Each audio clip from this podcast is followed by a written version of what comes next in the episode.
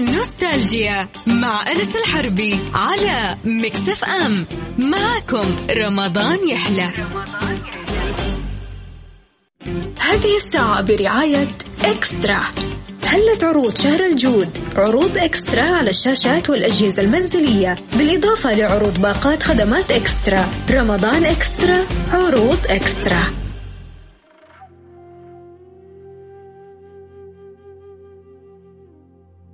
يسعد مساكم وأهلا وسهلا فيكم في نوستالجيا. أنا معاكم أنس الحربي.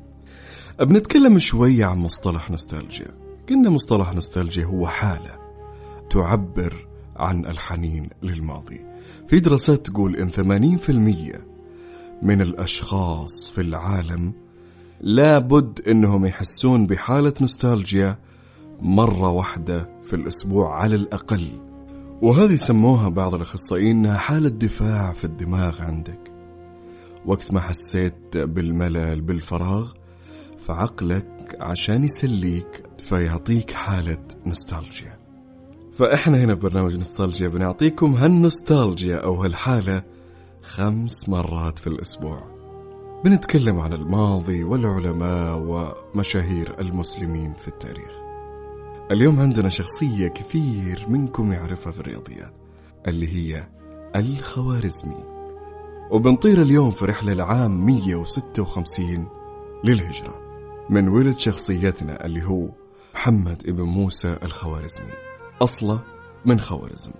ذاك الوقت أسلمت عائلته وانتقلت إلى السكن في قرية قطربل بالقرب من مدينة بغداد. لأن أبوه موسى كان يمتلك حقول واسعة جدا. وخلى ولده محمد اللي هو شخصيتنا اليوم الخوارزمي يعمل في هالحقول كل صباح. كان أهل محمد يعيشون في بيت كبير جدا أشبه بالقصر وفي إسطبل خيول وحظيرة أغنام فكانت أسرة غنية نوعا ما. تعلم اللغة العربية الفصحى على يد واعظ في مسجد قطربل. وتعلم اللغة التركية والفارسية على يد أبوه وأمه.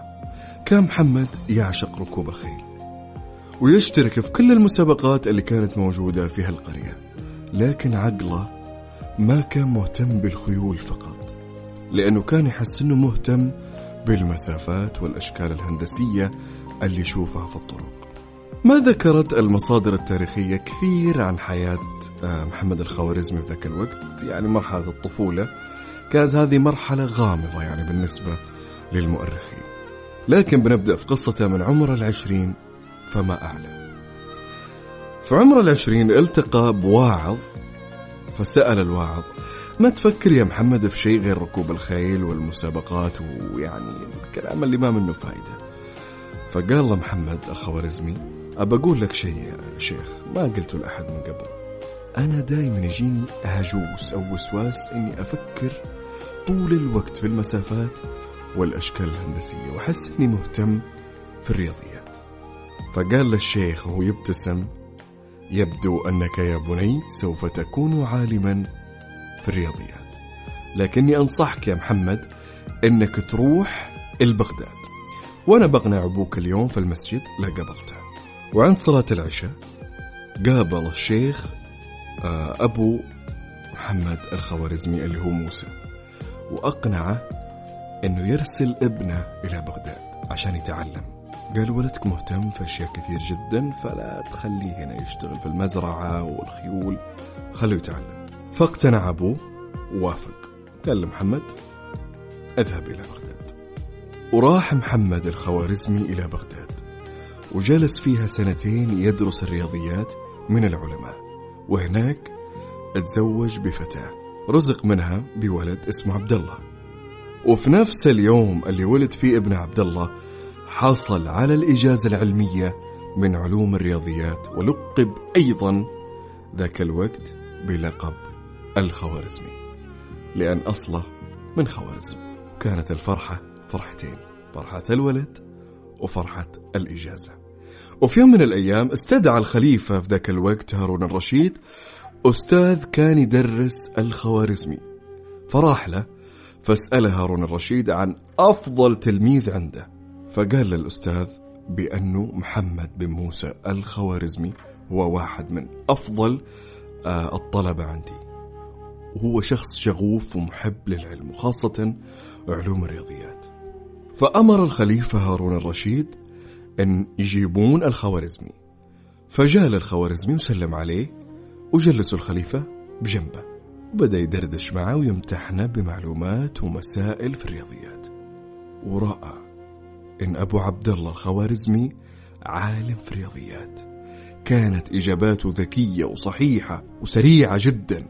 فضمه الخليفة هارون الرشيد إلى علماء الرياضيات في مكتبة بيت دار الحكمة. نروح الفاصل. ونكمل معاكم الأحداث اللي حصلت وسيرة هالشخصية العظيمة اللي هي معانا لليوم الخوارزمي خليكم ويانا. نوستالجيا مع أنس الحربي على مكسف أم. معكم رمضان يحلى.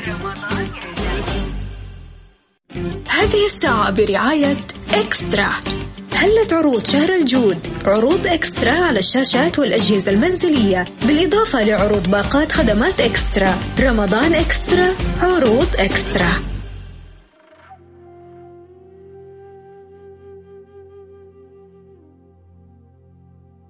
ورجعنا لكم وأهلا وسهلا فيكم في نوستالجيا. اليوم قصتنا عن شخصية جدا جميلة و... وقليل من الناس يعرف سيرة هالشخص بالضبط، دائما يسمعون عن الخوارزمي والرياضيات.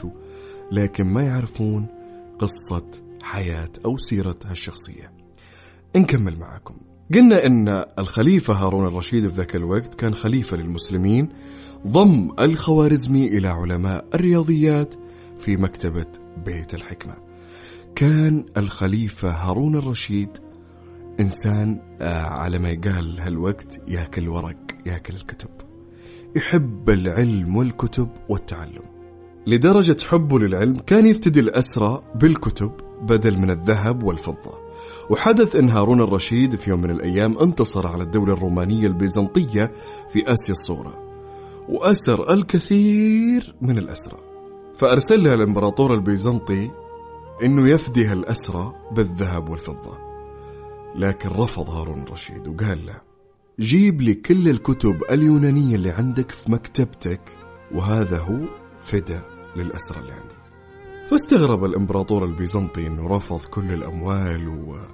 واستبدلهم بالكتب. فقبل وقال جيب النساخ وانسخوا كل الكتب واللي تبونه. فأرسل هارون الرشيد النساخ اللي ينسخون الكتب وعكفوا على نسخ كل مكتبة الإمبراطور البيزنطي في ثلاث سنوات. جلسوا فيها ثلاث سنوات وعادوا بها إلى بغداد. وكان من بين هالكتب كتب في الرياضيات. فجلس المترجمين عليها ترجموها كلها للعربية. فوكل الخليفة هارون الرشيد محمد الخوارزمي مشرفا على ترجمة كتب الرياضيات. فتحمس لها الخوارزمي وجلس على ترجمتها ليل ونهار. ومن شدة حماسة تعلم وهو يترجم اللغة اليونانية إلين اتقنها مئة في المئة. وبعد ما انتهى من الترجمة شالها ورتبها في مكتبة بيت الحكمة. توفي الخليفة هارون الرشيد وتولى بعده ابنه المأمون وكان المأمون يحب العلم أكثر من أبوه. فزار المأمون يوم من الأيام مكتبة بيت الحكمة. وتوجه إلى محمد الخوارزمي وجلس عنده جلس عنده كم ساعة. فأعجب فيه جدا وقام وعينه أمينا لخزانة الكتب بمكتبة القصر. وفي مكتبة القصر جلس الخوارزمي على قراءة كتاب هندي ضخم في الفلك. اسمه كما نقلوه المؤرخين السند هند أو السد هاند. فقام وترجم من اللغة الهندية إلى العربية المترجم إبراهيم الفزاري فجلس الخوارزمي على الكتاب فأعجبه. وجلس عليه وألف كتاب مختصر لهالكتاب الضخم الهندي اللي قلنا عنه السند هند أو السد هاند سماه السند هند الصغير.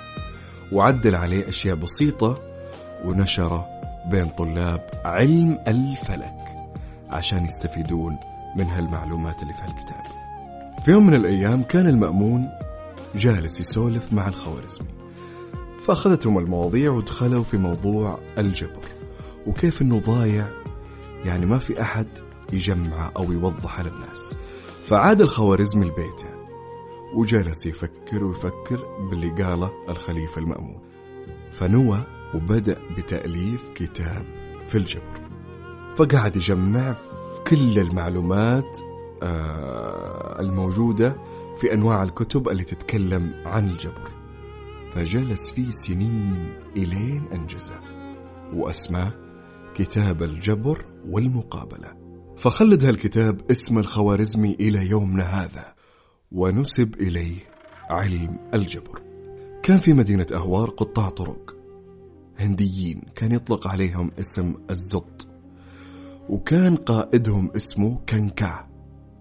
وهو اللي ألف كتاب السند هند. تخبرون الكتاب اللي ترجموه وقعدوا عليه سنوات بعدين اختصره. هذا زعيم قطاع الطرق هو اللي ألف هالكتاب.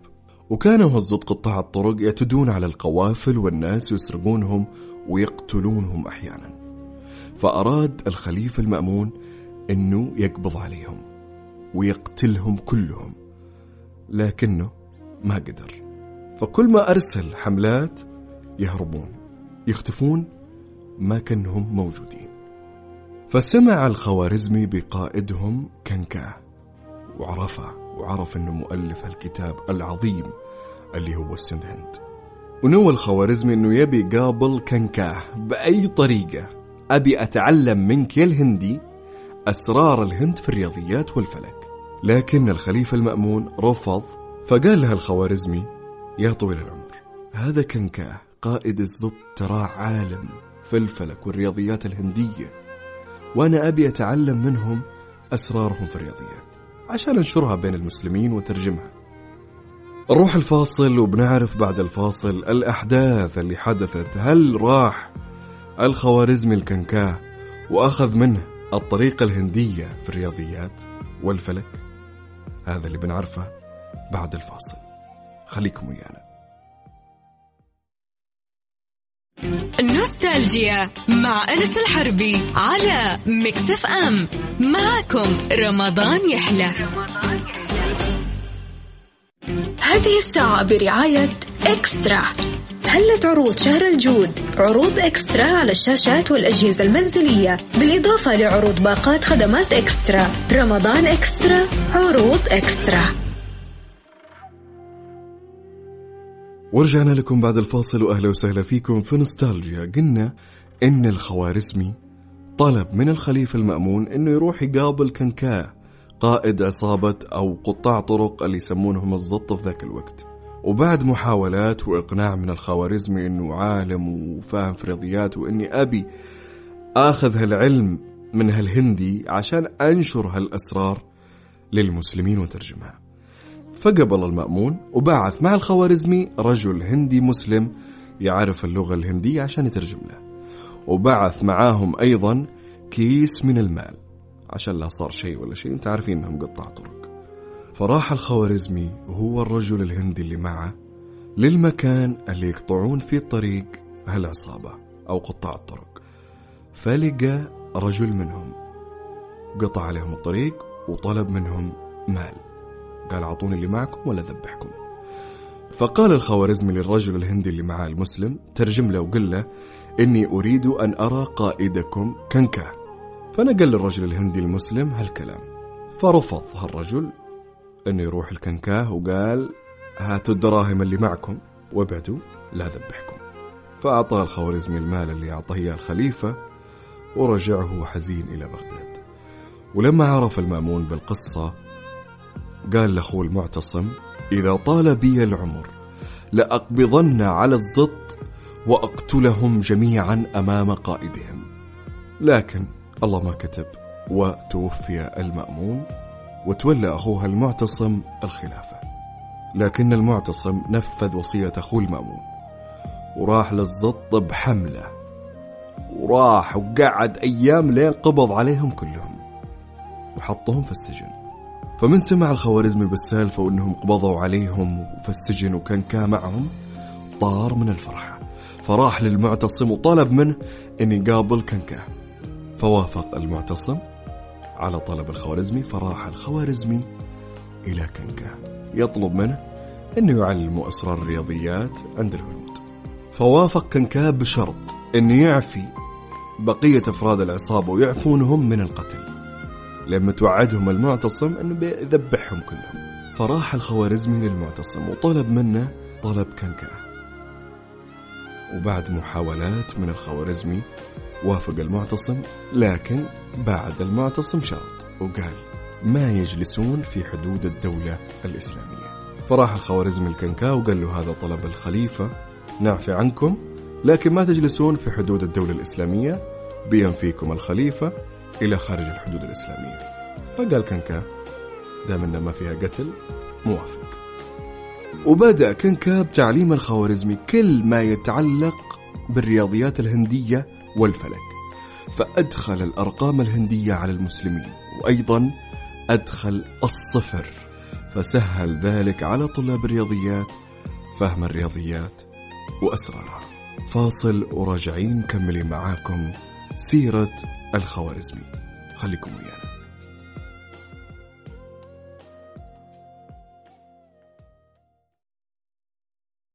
نوستالجيا مع أنس الحربي على مكسف أم. معكم رمضان يحلى. هذه الساعة برعاية إكسترا. هلت عروض شهر الجود. عروض إكسترا على الشاشات والأجهزة المنزلية بالإضافة لعروض باقات خدمات إكسترا. رمضان إكسترا عروض إكسترا. ورجعنا لكم بعد الفاصل. واهلا وسهلا فيكم في نوستالجيا. بطل قصتنا لليوم عالم الجبر الخوارزمي. الروح المؤلفات الخوارزمي. وش سوى؟ كتب الخوارزمي مؤلفات كثير جدا في الرياضيات والفلك وأنواع وعلوم منوعة. أهمها كتاب الجبر والمقابلة والرخامة والزيج الأول والعمل بالإصطرلاب والسند هند الصغير. كان الخوارزمي أول من أدخل الصفر إلى الأرقام وكمان ينسب له قلنا علم الجبر وأول من فصل بين علمي الحساب والجبر. وهو أول من وضع المصطلحات المناسبة لعلم الجبر.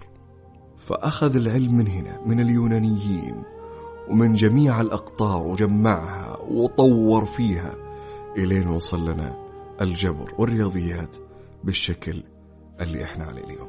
توفي الخوارزمي رحمة الله عليه سنة 232 للهجرة وكان بلغ من العمر أكثر من 70 سنة. إلى هنا. انتهت سيرتنا لليوم وكان معانا الشخصية العظيمة الجميلة أبو عبد الله محمد الخوارزمي. نشوفكم إن شاء الله في الحلقة القادمة من نوستالجيا. أنا كنت معكم أنس الحربي. تقبل الله منا ومنكم الصيام والقيام وصوما مقبولا وإفطارا شهيا. في أمان الله.